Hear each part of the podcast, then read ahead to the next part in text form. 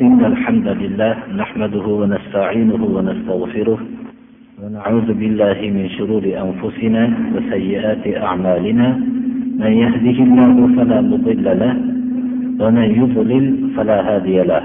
وأشهد أن لا إله إلا الله وحده لا شريك له وأشهد أن محمدا عبده ورسوله. subhanahu va taolo birinchi biz ahli islom va umuman bashariyatni buyurgan narsaning eng kattasi tavhiddir. Alloh subhanahu va taolo o'zini bandalarini qaytargan narsasining eng kattasi shirkdir. Tavhid islomning asosidir. Har bir narsaning sahih bo'lishligi islom buyurgan amallarning sahih bo'lishligi avvalo shu tavhid bo'lishligiga bog'liqdir. Agar tavhid topilmasa har qanday amal bekordir. Xususan tavhidning ziddi shirk topilib qolgan bo'lsa amallari habata bo'lishligida shak shubha yo'qdir. Va shirkning jazosi abadiy do'zaxga o'tin bo'lishlikdir.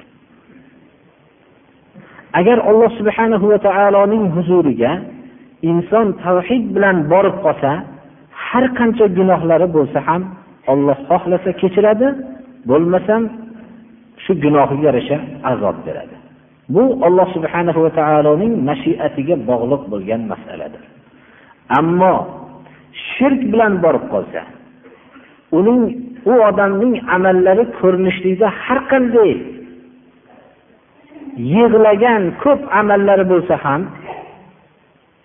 nafl ibodat deb atalgan narsalar bo'lsa ham o'zi ibodat deyilmaydi. Tavhid asosiga qurilmagan narsani ibodat deb bo'lmaydi birodarlar. Ko'rinishda shu ibodat deb atalgan narsasi har qancha katta bo'lsa ham shirk bilan bo'lsa alloh subhanahu va taolo uni kechirmaydi bunda ham shak shubha yo'qdir shuning uchun biz shirkning ba'zilariga bir to'xtalib o'tmoqchimiz. Shirk rasululloh sollallohu alayhi vasallamning hadisi muboraklarida ashirkul akbar va shirkul asg'ar iboralar bilan keltirilgan. Katta shirk va kichkina shirk.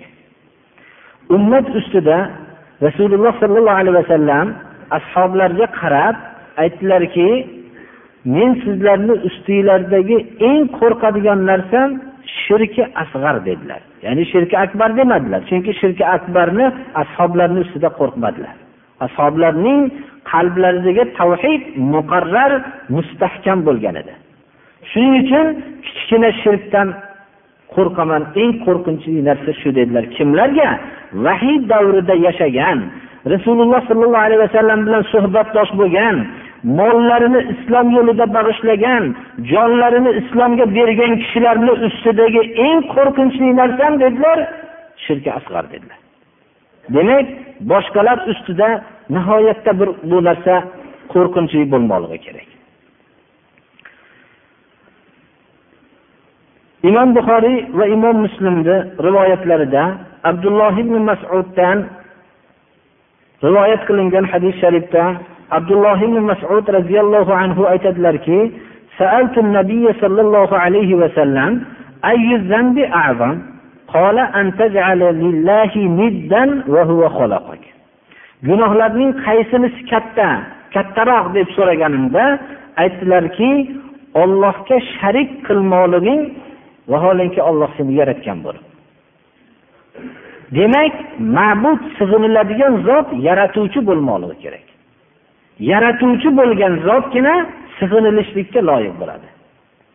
Yaratmagan narsa ma'bud bo'lishlikka yaramaydi.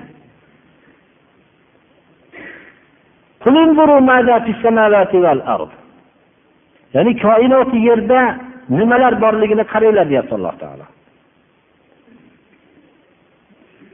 Undan tashqari إن الذين تدعون من دون الله لن يخلقوا ذبابا ولو اجتمعوا له وإن يسلبهم الذباب شيئا لا يستنقذوه منه ضعف الطالب والمطلوب Allohdan boshqaga sizlar sig'inayotgan narsalar ey mushriklar deyapti alloh taolo siz ollohdan boshqaga sig'inyapsizlar ey mushriklar deyapti ular hargiz bir narsani yaratolmaydi. Hatto shu go'ng tutib yurgan najas yeydigan qora pashshani ham yaratolmaydi.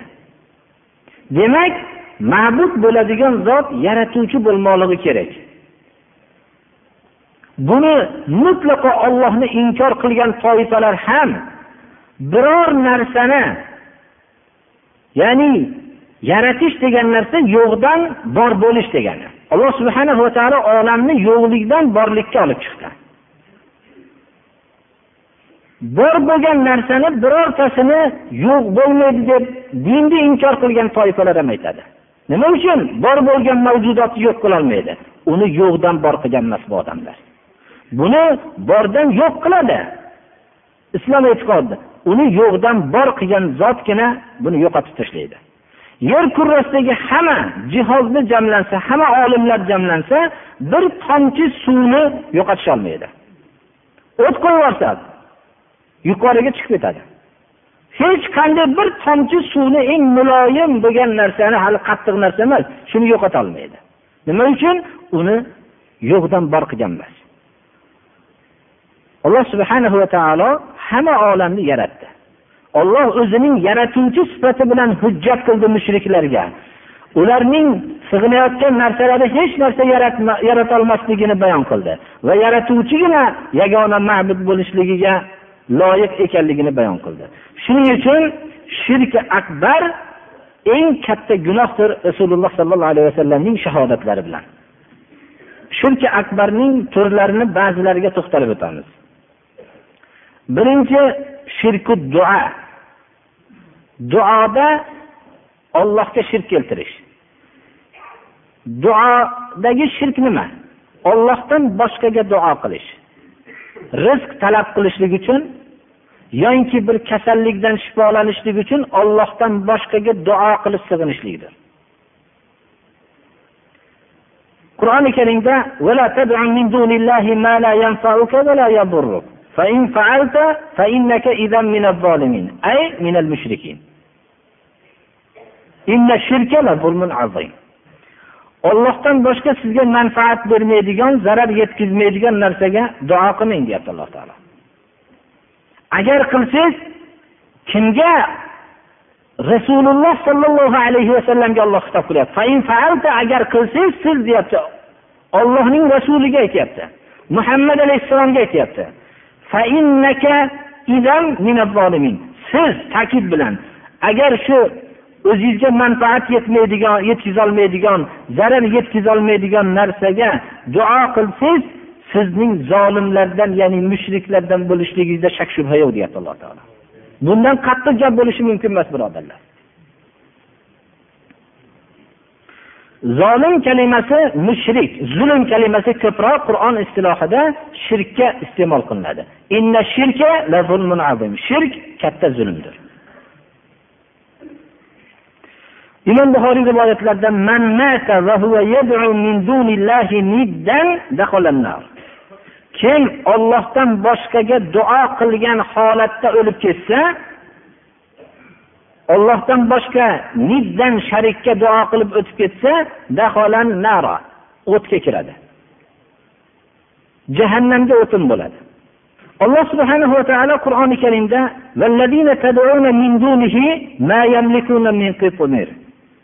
إن تدعوهم لا يسمعوا دعاءكم ولو سمعوا ما استجابوا لكم ويوم القيامة يكفرون بشرككم ولا ينبئك مثل خبير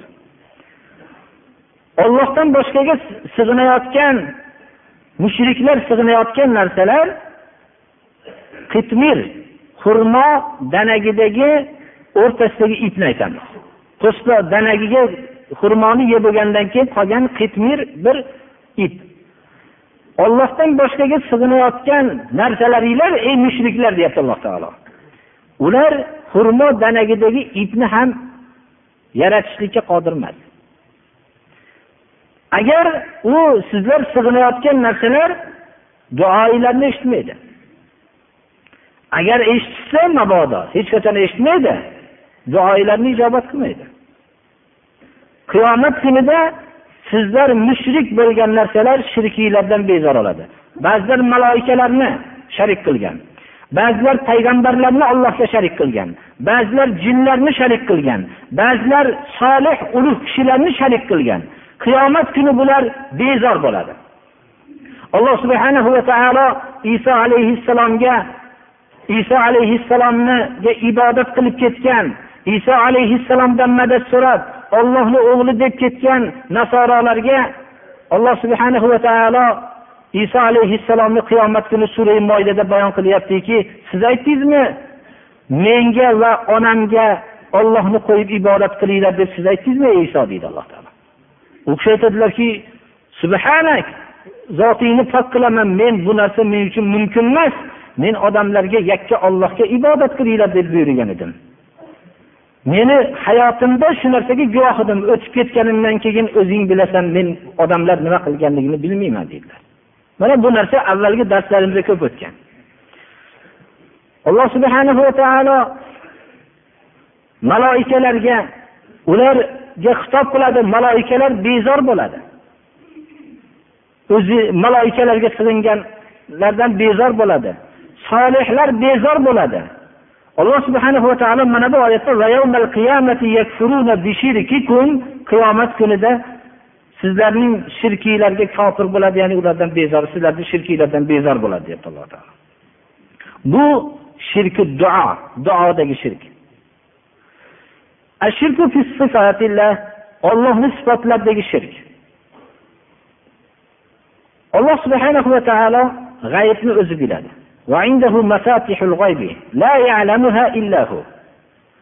Ollohning sifatlaridan bittasi g'aybni bilish. Ollohni sifatlarini kitobi sunnatda kelgan sifatlarni hammasini isbot qilamiz. Mana bu sifatlardan bittasi g'aybni bilish sifati. Ollohni huzurida bir g'ayb xazinalari g'aybni faqat olloh biladi. Mana bu sifatda biror bir kishini xoh har qanday ulug' odam bo'lsin g'ayibni biladi deb e'tiqod qilishligi shirkdir biz avvalgi darslarimizda shuni ham aytganmizki فلا يظهر على غيبه أحدا إلا من ارتضى من رسول فإنه يسلك من بين يديه ومن خلفه رصدا alloh subhanahu va taolo g'aybini hech kimga ko'rsatmaydi magar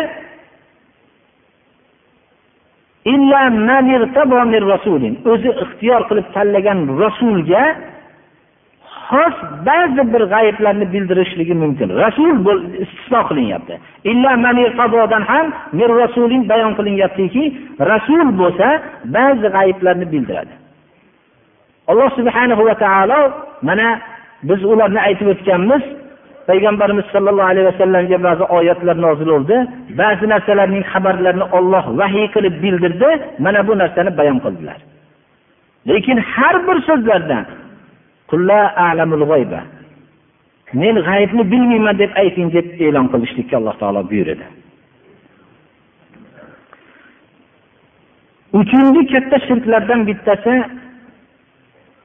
shirkul mahabba mahabbat shirki. Ya'ni alloh subhanahu va taologa bo'lgan muhabbatni barobarida boshqa narsaga muhabbat qilish. Qur'oni karimda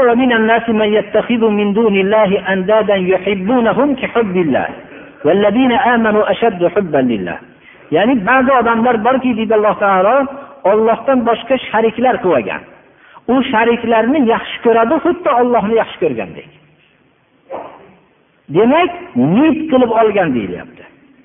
Bu muhabbat shirki qanday bilinadi? Muhabbat shirki alloh subhana va taoloning buyrug'idaqa boshqa buyruqni ham shunday deb biladi. Ollohni buyrug'iga zid buyruq. Shu zid buyruqni ollohni buyrug'iga barobar qilib ko'radi. Mana bu shirkul muhabbadir shirku toa itoat shirki. Ma'siyat ishlarda gunoh ishlarda odamlarning so'ziga itoat qilib ketishlik. Olloh man qilgan narsa bor. Olloh bir ma'siyatdan man qildi. Boshqa odam bo'lsa buyurdi. Ollohni man qilganligini qo'yib ollohga itoat qilmasdan bu odamga itoat qilib ketishlik bu shirki toadir. Alloh subhana va taolo yahudlarni va nasorolarni qur'oni karimda odamzod oddiy insonga itoat qilib ketmaydi. Yahudlar o'zlarining olimlarini nasorolar o'zlarining olimlarini ollohdan boshqa raf qilib olishdi. Ya'ni shunda adi ibn hotim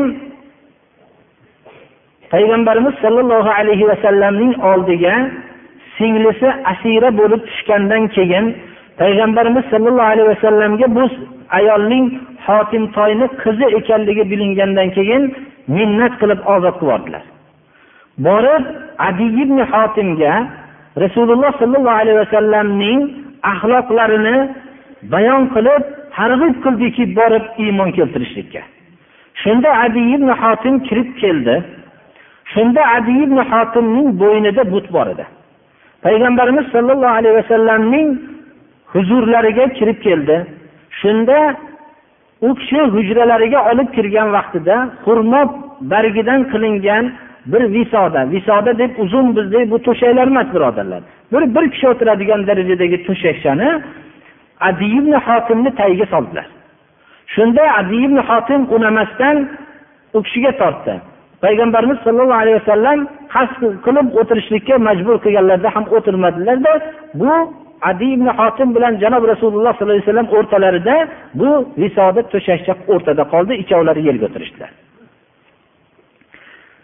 Mana shu vaqtda shu oyatni o'qidilar. Ya'ni yahudlar o'zlarining olimlarini nasorolar o'zlarining olimlarini ollohdan tashqari o'zlariga rad qilib olgan degan oyatni o'qiganda adi ibn hotim aytdiki yo rasululloh bu kishi bularga ibodat qilishmagan ediyu. Rad qilib olgan. Deganlarda bala dedilar. Yo'q albatta ibodat qilishgan dedilar.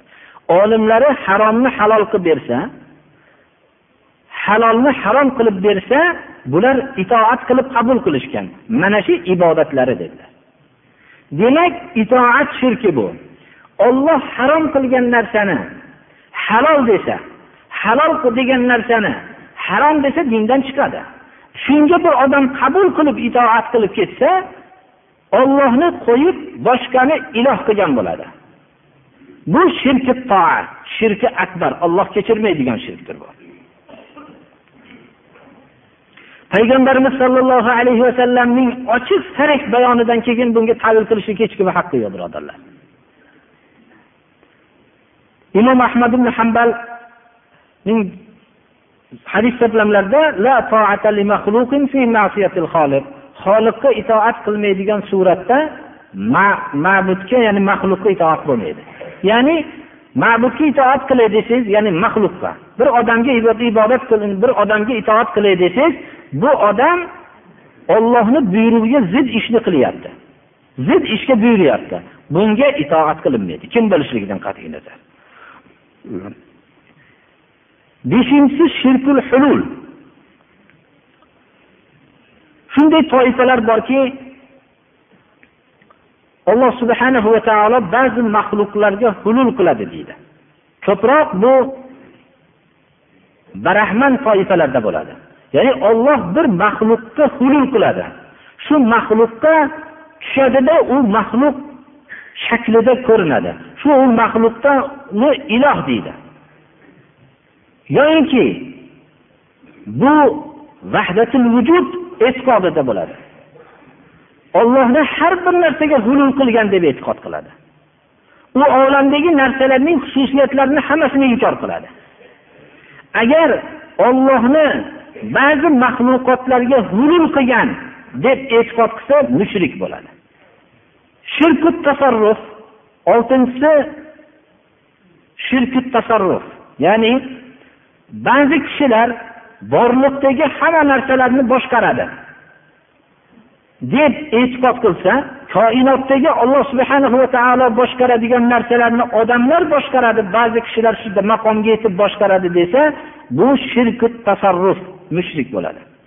Hatto bu payg'ambarimiz sollallohu alayhi vasallam davridagi mushriklardan ham battar bo'ladi. Chunki payg'ambarimiz sollallohu alayhi vasallamning davridagi mushriklarga xitob qilinsa kim koinoti yerni kim boshqaradi desa olloh boshqaradi deyishadi hozir bo'lsa shunday tasarrufga e'tiqod qilgan mushriklar borki bironta bir joyda bir buloqqa yo balandlik yoki bir qorovulata yo boshqa narsa boshqaradi deb hamma olamni boshqarishligini shunga topshirib qo'ygan. Mana bu shirku tasarrufdir birodarlar. Shirkul xavf xavf shirki.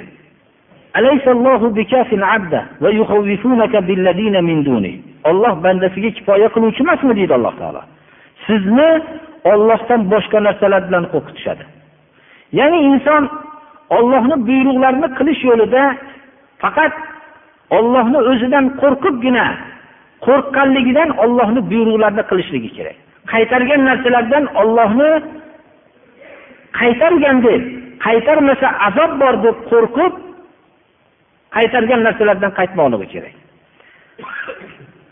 Alloh subhanahu va taoloni buyrug'ini qilishlikda mustasno suratlar bor. Ularni biz avvalgi darslarda aytganmiz ba'zisiga ishora ham qilamiz.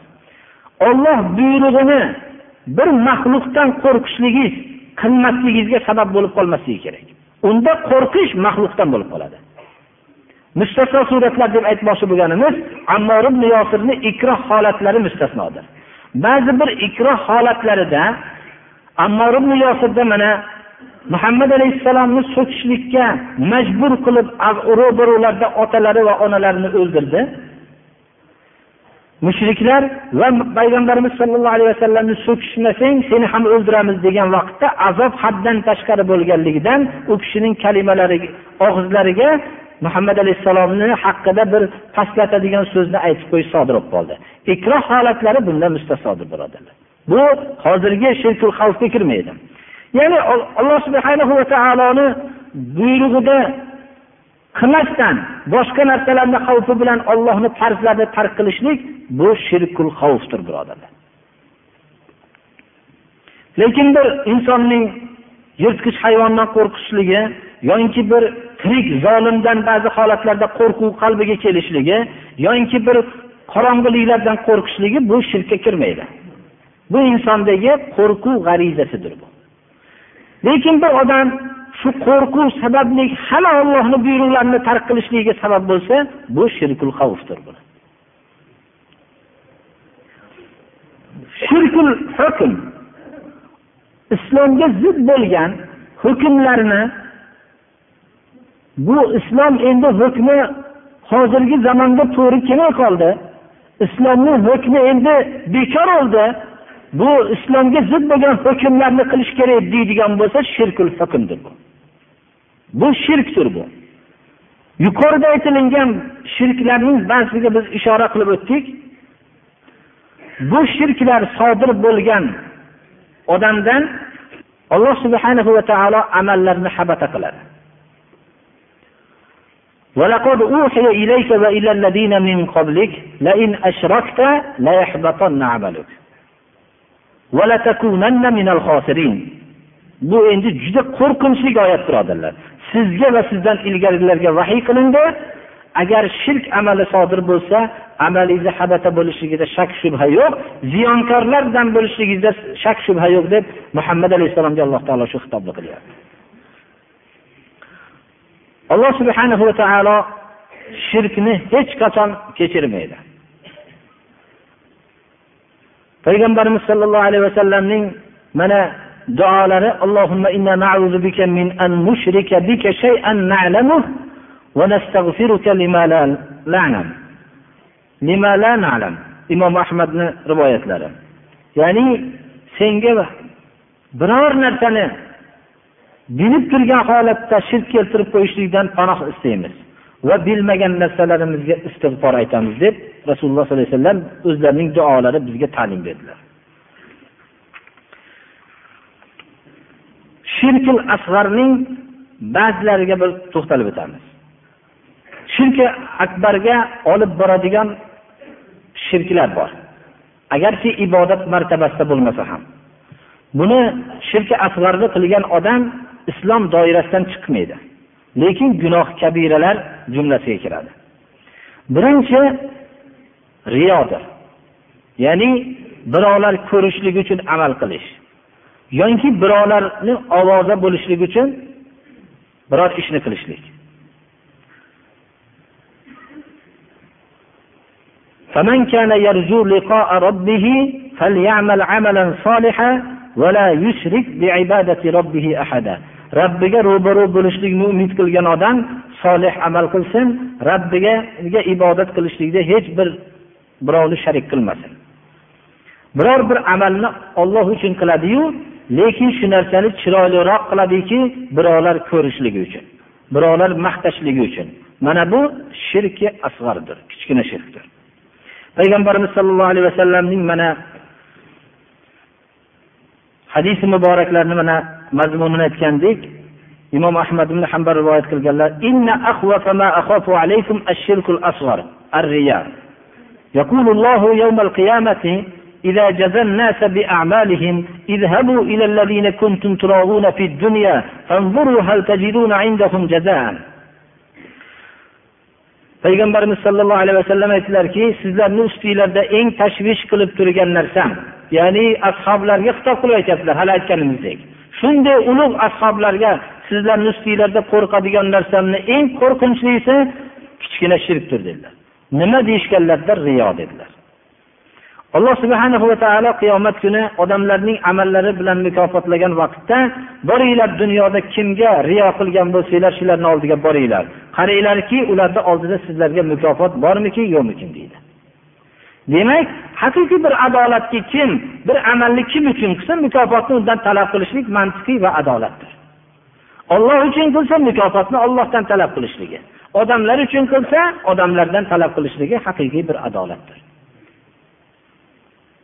Ikkinchisi al hilfu alloh subhanahu va taolodan boshqani nomiga qasam ichishlik bu shirkil asg'ardir kichkina shirkdir. Man halafa kim ollohni nomidan boshqaga qasam ichsa mushrik bo'ladi. Imom ahmad ibn hambalni rivoyatlari. Shirki asg'ar amalni qilgan bo'ladi. Ollohni nomidan boshqa nomga qasam ichishlik yaramaydi birodarlar. Mabodo bir kishi qur'onni nomi qur'onga qasam ichinsa yo'q men ollohni nomidan boshqaga qasam ichmayman desin. Yulduzlar va hokazo boshqa narsalarga hech qaysiga qasam ichishlik yaramaydi. Bu shirki asg'ardir. Mabodo shu shirki asg'ar shirki akbar bo'lib ketadiki agar qasam ichilinayotgan narsani bu zarar beradigan yolg'on qasam ichib qo'ysam menga zarar yetkazib qo'yadi deb e'tiqod qilsa unda shirk akbar bo'ladi. Masalan yulduzni nomiga qasam ichayotgan bo'lsa shu yulduzni nomiga qasam ichishligi shirki asg'ar lekin men yolg'on qasam ichib qo'ysam shu yulduz menga zarar yetkazadi deb e'tiqod qilsa shirk akbar bo'ladi. Biz kalimalarimizda ham shuni eslab bo'lishimiz kerakki rasululloh sollallohu alayhi vasallamni oldilariga bir kishi mashaallohu va shita deb keldi. Olloh xohlasa siz xohlasangiz bo'ladi degan vaqtda meni ollohga sharik qilyapsanmi? dedilar. Bir kishi mashaallohu va shita demasin dedilar. Rasululloh sollallohu alayhi vasallam mana ahmad ibn hambal va boshqa e, muhaddis ulamolar rivoyatda keltirgan hadis sharifda la taqulu sha'a fulanun valakin sha'a fulan. Olloh xohlasa palonchi xohlasa demanglar dedilar payg'ambarimiz sollallohu alayhi vasallam. Lekin shaa shu palonchini qo'shmoqchi bo'ladigan bo'lsa olloh xohlasa summa keyin degan so'zni qo'shsin dedilar. Olloh xohlasa siz xohlasangiz desa shirk bo'ladi birodarlar. Shirki asg'ar. Agar hech shu narsasiz bo'lmaydigan bo'lsa summa ya'ni keyin degan kalima qo'shilishligi kerak. Mana bu shirki asg'arning riyo degan narsada juda ko'p narsani o'z ichiga oladi. Suma degan narsa juda ko'p narsani o'z ichiga oladi. Mana shu narsani ya'ni birovlar maqtashligi uchun qilingan toza olloh buyurgan amallar bular shirkdir. Endi olloh man qilgan narsalar bor birodarlar. Hozirgi zamon shunday bir murakkab bir davr bo'ldiki odamlar shu johilligi shunaqa murakkablashdiki chor qirra emas olti qirra emas sakkiz qirra emas qirrasini sanab bo'lmaydigan bo'lib ketdi. Hozirgi riyo ollohni buyrug'idagi ibodatga qo'shilsa shirk bo'lyapti. Endi odamlarda riyo shunday on bo'ldiki olloh man qilgan narsada ham riyo bo'lyapti.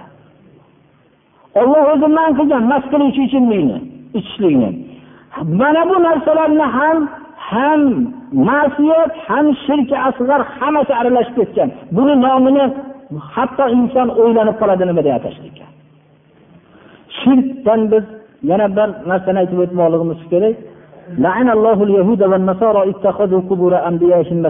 Bu imom buxoriy imom muslimda hadis to'plamlarida keltirilgan yahud nasorolarni olloh la'nat qilsin dedilar vafotlaridan besh kun ilgari aytgan hadislarda ya'ni birov mansux deyolmaydi bu hadisni vafotlaridan besh kun ilgari aytdilar mana shu nasihatlarini payg'ambarlarning qabrlarini masjid qilib olishgan dedilar muttafaqun alayh hadis birodarlar bu imom muslim rivoyatlarida olloh la'nat qilsin ollohni nomidan boshqaga so'ygandi dedilar.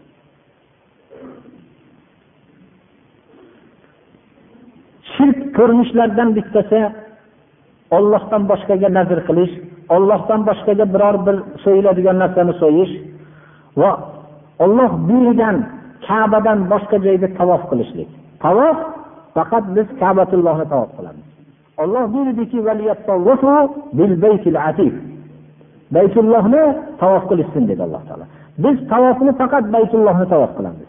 Boshqa joyda tavof qilishlik bu shirk ko'rinishlardandir rasululloh sollallohu alayhi vasallam ko'proq shirk qabrlar orqali bo'lishligini buyurdilarda sahih hadislarda qabrdagi hali shirkning belgilari paydo bo'lib qolishligidan mumkin bo'lib qoladigan narsalardan ham qaytadilar? Imom muslimni rivoyatlarida naha rasululloh sollallohu alayhi vasallam rasululloh sollallohu alayhi vasallam qabrni mujassos ya'ni har xil bir mana hozir aytamizki har xil oqsivolar qilamiz mana bunday moddalarni u yerda ishlatilishligidan va qabrni ustida o'tirishlikdan va qabr ustiga bino qilishlikdan qaytadilar. Imom muslim rivoyatlarida bu tajassus hatto ba'zi bir yog' shunday bo'yoq shunday narsalarni iste'mol qilishlikka ham shu ham kiradi degan ekanlar. Imom termiziyni rivoyatlarida bir narsalarni kitobat qilib shoirbozlik qilib uni ustiga har xil narsalarni yozishlikdan. Hatto aytilgan ekanki bu yerda bir narsa kitobat qilinishlikdan qur'on yo she'r shunaqa narsalarni yozishlikdan ham man qilindi. Imom termiziy rivoyatlarida. Birodarlar hamma odam hozir shu narsaga e'tibor berib ketishgan. Ota onalarni hurmati faqat o'lgandan keyin u ham bo'lsa qabriga. Bu ayni shaytonni vasvasasi. Bu ota onaga hayotda yaxshilik qilolmaslikning alomatidir. Chunki shu bola hayotda yaxshilik qila olmaganligi uchun ota onasiga o'lgandan keyin ham yaxshilik qilolmasligini nasib qilgan edi chunki agar shu ustidagi sarf qilgan narsasini fuqaroi musliminga musulmonlarning kambag'aliga sarf qilsa ota onasiga foydasi bo'lardi. Shu narsani ham nasib bo'lmasligidir birodarlar. Rasululloh sollallohu alayhi vasallam qaytargan narsani otasining onasini qabriga qilib qo'yishligi ham bu ham bir balodir birodarlar. Hatto rasululloh sollallohu alayhi vasallamning buyurgan buyruqlarini ota onaga yaxshilik qilishlik kerak degan buyruqlarni hayotda ham qilolmasdan o'lib ketgandan keyin ham qilolmaslikni nasib bo'lishligidir bu. Qabrlarni ustida o'tirishlikdan ham man qilindi birodarlar. Hatto ba'zi hadislar sahiymi sahih emasmi bilmayman. Qabrni birodaringizni qabrini ustiga o'tirganingizdan cho'g'ni ustiga o'tirganingiz yaxshiroq deyiladi. Mana bunday narsalar payg'ambarimiz sollallohu alayhi vasallam ali roziyallohu anhu deb buyurdilarki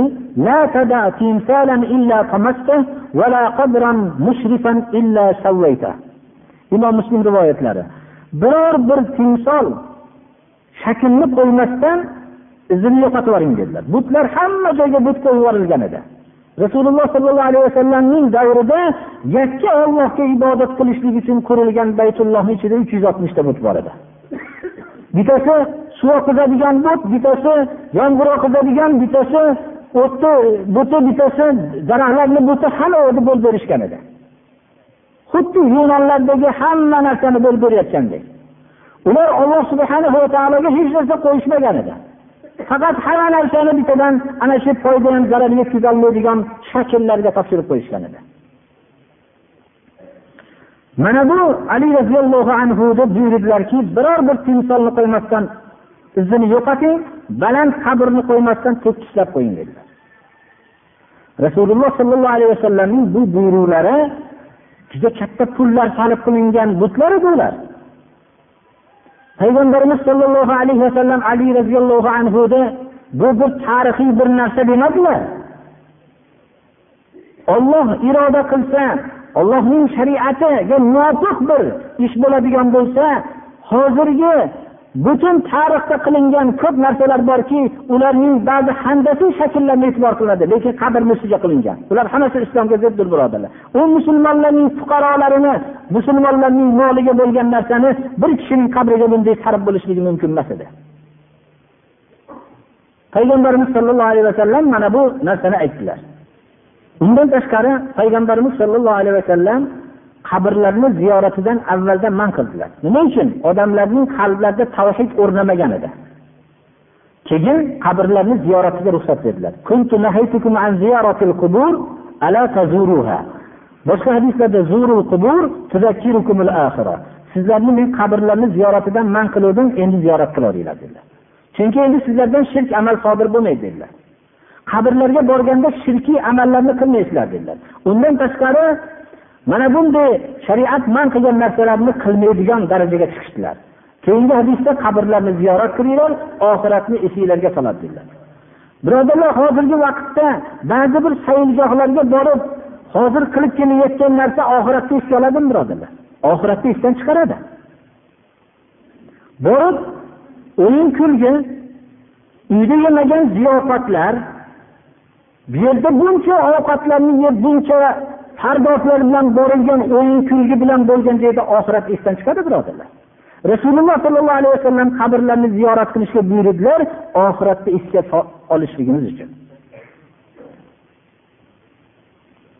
Ana shuning uchun ham biz mana bu biz payg'ambarimiz sollallohu alayhi vasallamning yo'llanmalarini tushunmoqligimiz kerak. Bizni islom dushmanlari qabrlarni ko'rganda oxiratda esdan chiqarib yuboradigan qilib tashlanishlik bilan butun biz oxiratni o'ylamasdan yana tug'yon xalqlarga zulm qilish xalqlarga qarshi islomni hukmlarini qilmasdan butun xalqlarga zulm qilishlikni yana davom ettiraveramiz. Inson qabrni oldiga borganda o'zining tengdoshlarini shuyayotganligini bilsa o'zi ham shu yerga kelishligini bilsa qilayotgan zulmlaridan o'zini tiyishlikka sabab bo'ladi lekin bu narsa uni ifodalamaydi hozirgi vaqtda. Shuning uchun biz mana bu joyda o'zimiz nima qilayotganligimizni ham bilib olaylik. Shu o'rinda gapirilib o'tilgan o'rinda islomdan chiqaruvchi narsalarning ba'zilarini eslab o'tmoqchiman. Musulmon kishi ba'zi islomga zid bo'lgan narsalarni qilishlik bilan islomdan chiqib qoladi. Shulardan ba'zilarini to'xtalib o'taman birinchi ollohni ibodatidagi shirk mana aytib o'tyapmiz.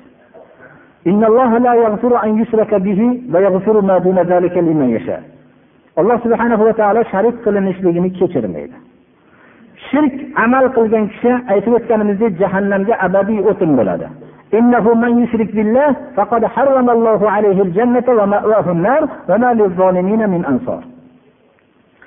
Ikkinchisi o'zi bilan ollohni o'rtasida vosita qilsa duo qiladigan va tavakkul qiladigan yordam so'raydigan vosita qilsa ya'ni duo qilib yordam so'raydigan vositalar qilsa mushrik bo'ladi.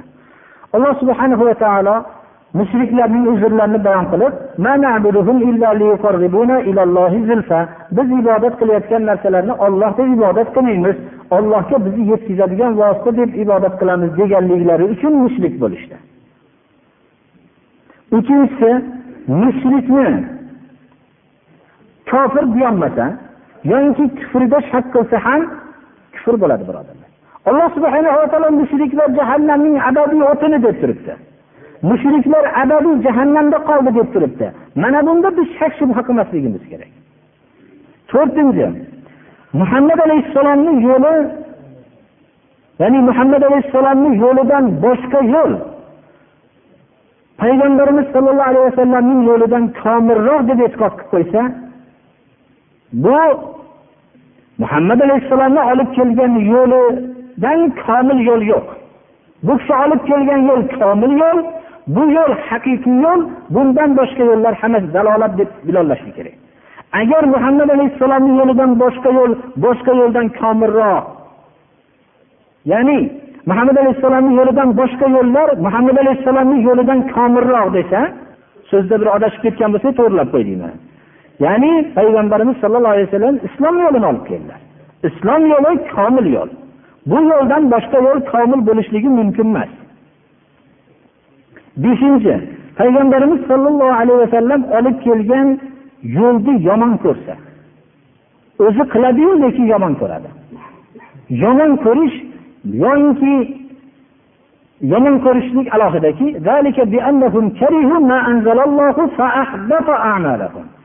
olloh tushirgan narsani bular karih ko'rishdida muhammad alayhissalom qaysi yo'lni olib keldi? Olloh tarafidan bo'lgan yo'lni olib keldilar.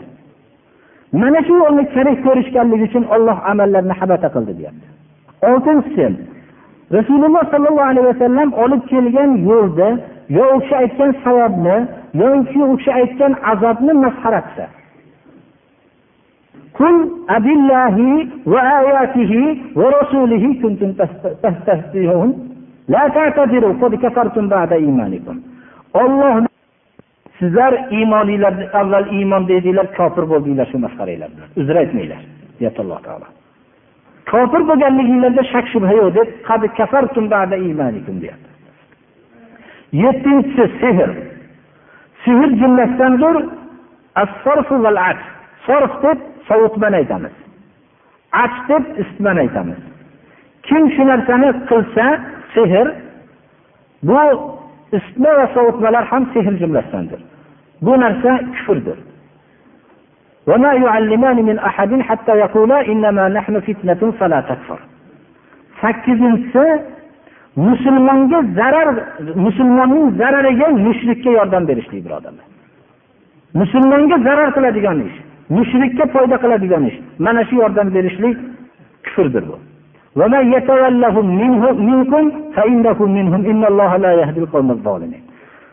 To'qqizinchisi ba'zi odamlarga muhammad alayhissalomning shariatini qilmasa bo'laveradi.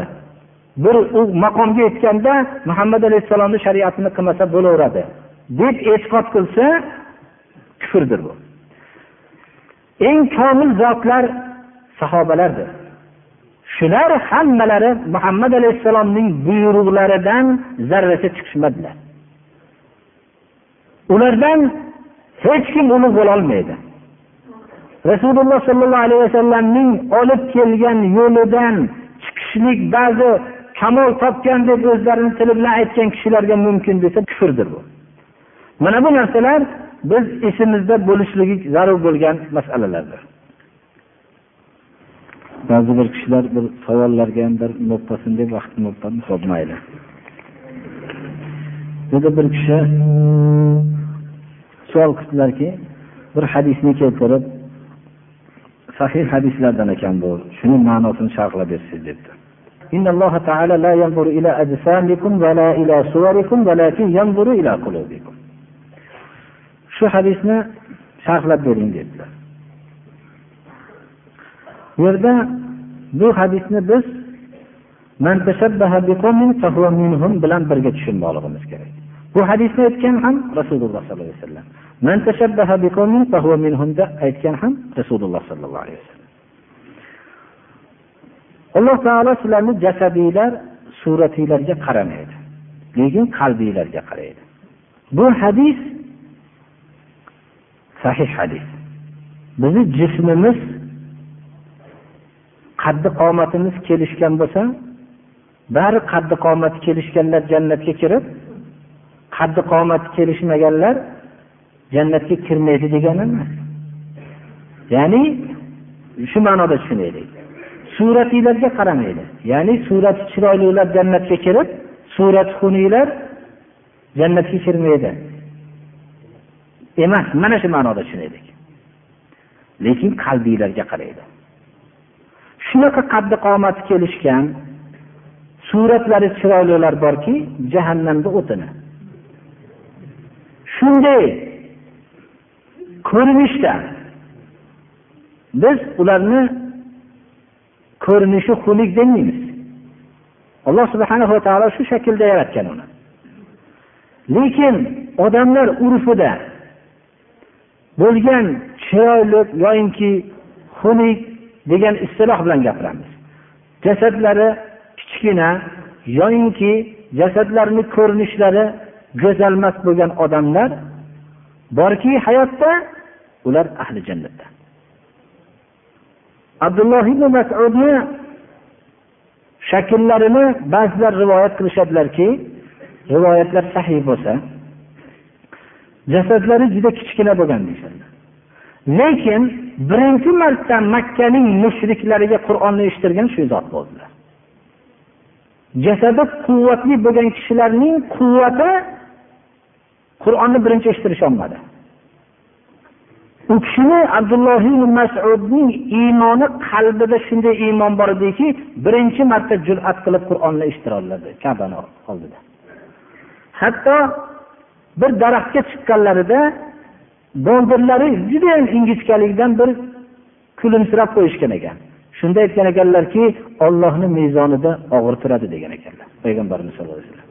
Shunga o'xshagan bu hadisni biz shunday tushunaylik. Bu hadisda biz rasululloh sollallohu alayhi vasallamning sunnatlarini buzsak bo'ladi deganga hujjat qilmasligimiz kerak. Payg'ambarimiz sollallohu alayhi vasallam ba'zi fe'llari borki buyurganlar. Ba'zi fe'llari borki qilganlar buyurmaganlar. Masalan misvotga buyurganlar. Bir odam aytolmaydiki shu yerda men misvokni tutmasam bo'laveradi dilim niyatim yaxshi. Men dilimizga qaraydi. deb misvok tutmaslikka uzr qilolmaydi bu hadisni. Chunki misvok sunnati muakkada. Agar ummatimga qiyin bo'lmaganda men misvoqqa buyurildim dedilar. Ya'ni farz amalga aylanardi. Ummatim qiynalib qolishligi mumkin.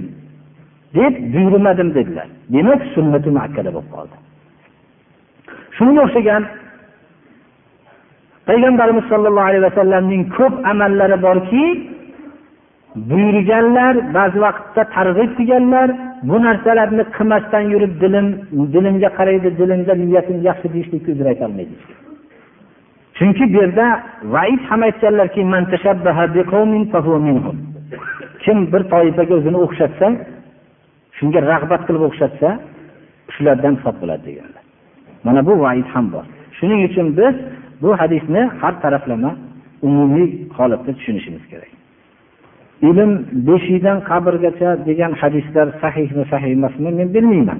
Lekin o'rtada mutadovil bo'lib yuradi. Va lekin ilmga targ'ib qilingan. Tamom.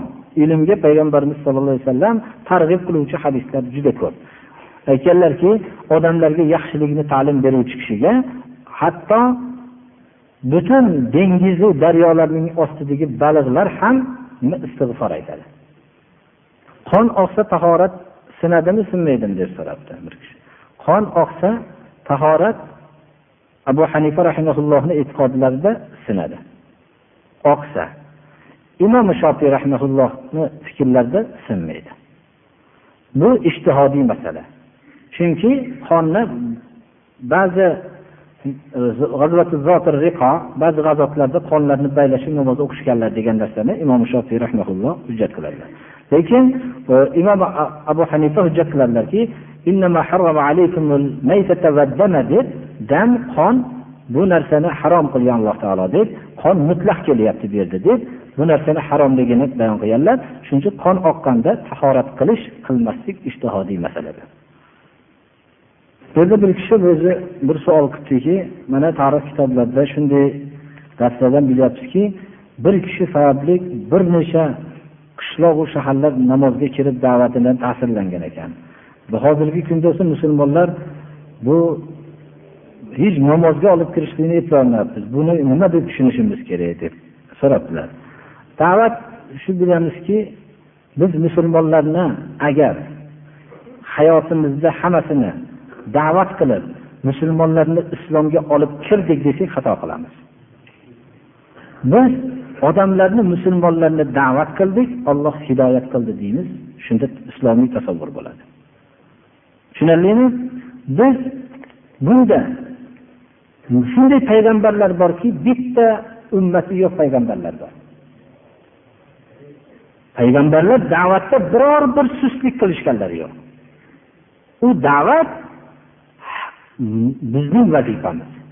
Hidoyat alloh subhanahu va taoloning bu bergan ne'matidir hidoyat hidoyatga qalb tashna bo'lishligi bilan alloh tarafidan marhamat keladi. Lekin u sizni da'vatingizni ta'siri bo'lishligi bo'lmasligi allohni izidir lekin siz biror ming odamni yo'lga kirishligiga sabab bo'lganingizdagi ajr bilan biror odamni yo'lga kirmay qolsa sizni da'vatingiz sabab bilan sizni ajringiz kamaymaydi shunday e'tiqodda bo'lishimiz kerak. Agar kim hidoyat meni ulushim deb davo qilsa xato qilgan bo'ladi o'zini yaqin yaxshi ko'rganlarni yo'lga solsin mana bu narsa hamma o'zini yaxshi ko'rgan odamini olim qilib yaxshi yo'lga solgan bo'lardi. Bizni vazifamiz aytamizki da'vat qilish. Bu degan so'z odamlarni hidoyatiga beparvo bo'lsin degan emas biz hayotimiz bo'yicha da'vat qilamiz. Odamlar hidoyat topishsa olloh tarafidan allohga hamd aytamiz. Biz bu bilan ajrlanamiz. Shirk haqida biz aytdik hozirgi bu savolga. Shirk amalini qilgan odamni biz mushrik deyishlikda shak shubha qilmaymiz. Mushrik bo'lgandan keyin biz uni aniq shirk amali sodir bo'lgandan keyin biz unga iqtido qilmaymiz ekan shuni bilishimiz kerak bir. Ikkinchidan mana shu shirk amalini sodir bo'lganligini ko'rgandan keyin hujjat barpo bo'ladi shu kishiga ya'ni hujjat barpo bo'ladiki bu narsa bu odam mushrik bo'ldi. Iqtido qilmadi. Tushuntirsin shu narsani shirk ekanligini. Shirk ekanligini tushuntirishlik bilan tushunib darrov o'zini o'nglasa alloh subhana va taolo amalini habata qilmaydi. Avvalgi darslarimizda buni aytib o'tganmiz. Alloh subhana va taolo hammamizni shirk amallardan alloh o'zi saqlasin. Biz mana shu darsni ko'p qildik birodarlar. Xutbalarda ham ko'p qildik. Lekin shu narsani ko'p qilinayotganligi baribir bizni xalqimizga nisbatan ozdir bu. Mana bu narsa bu mizojiy masala emas birodarlar. Iymon va kufr masalasi bular. Bu yo u tarafga yo bu tarafga o'tib qolmaydigan masala.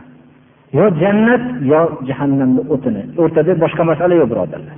Shuning uchun bu masalani ko'p esga olib hayotni mana shu har bir daqiqasini tekshirib o'tmoqligimiz kerak.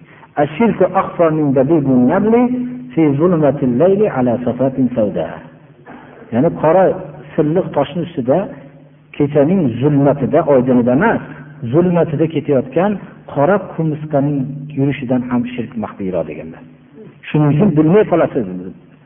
Har bir hayotingizni tekshirsangiz ko'p narsalar shirkka bulg'anib ketgan. Shuning uchun biz duolarimiz ijobat bo'lmayapti birodarlar. Alloh subhanahu va taolo shirkdan saqlasin ahli tavhidlardan qilsin. Alloh subhanahu va taolo o'tgan vaqtdagi xatolarimizni alloh o'zi kechirsin. Sallallohu taolo ala xayri xalqihi muhammad va alihi va ashabihi ajmain. Alloh subhanahu va taolo shu darsimizni davomiy qilsin qazo ila sahobadan o'qib berishlikka sal fursat bo'lgani uchun safar tark qilamiz.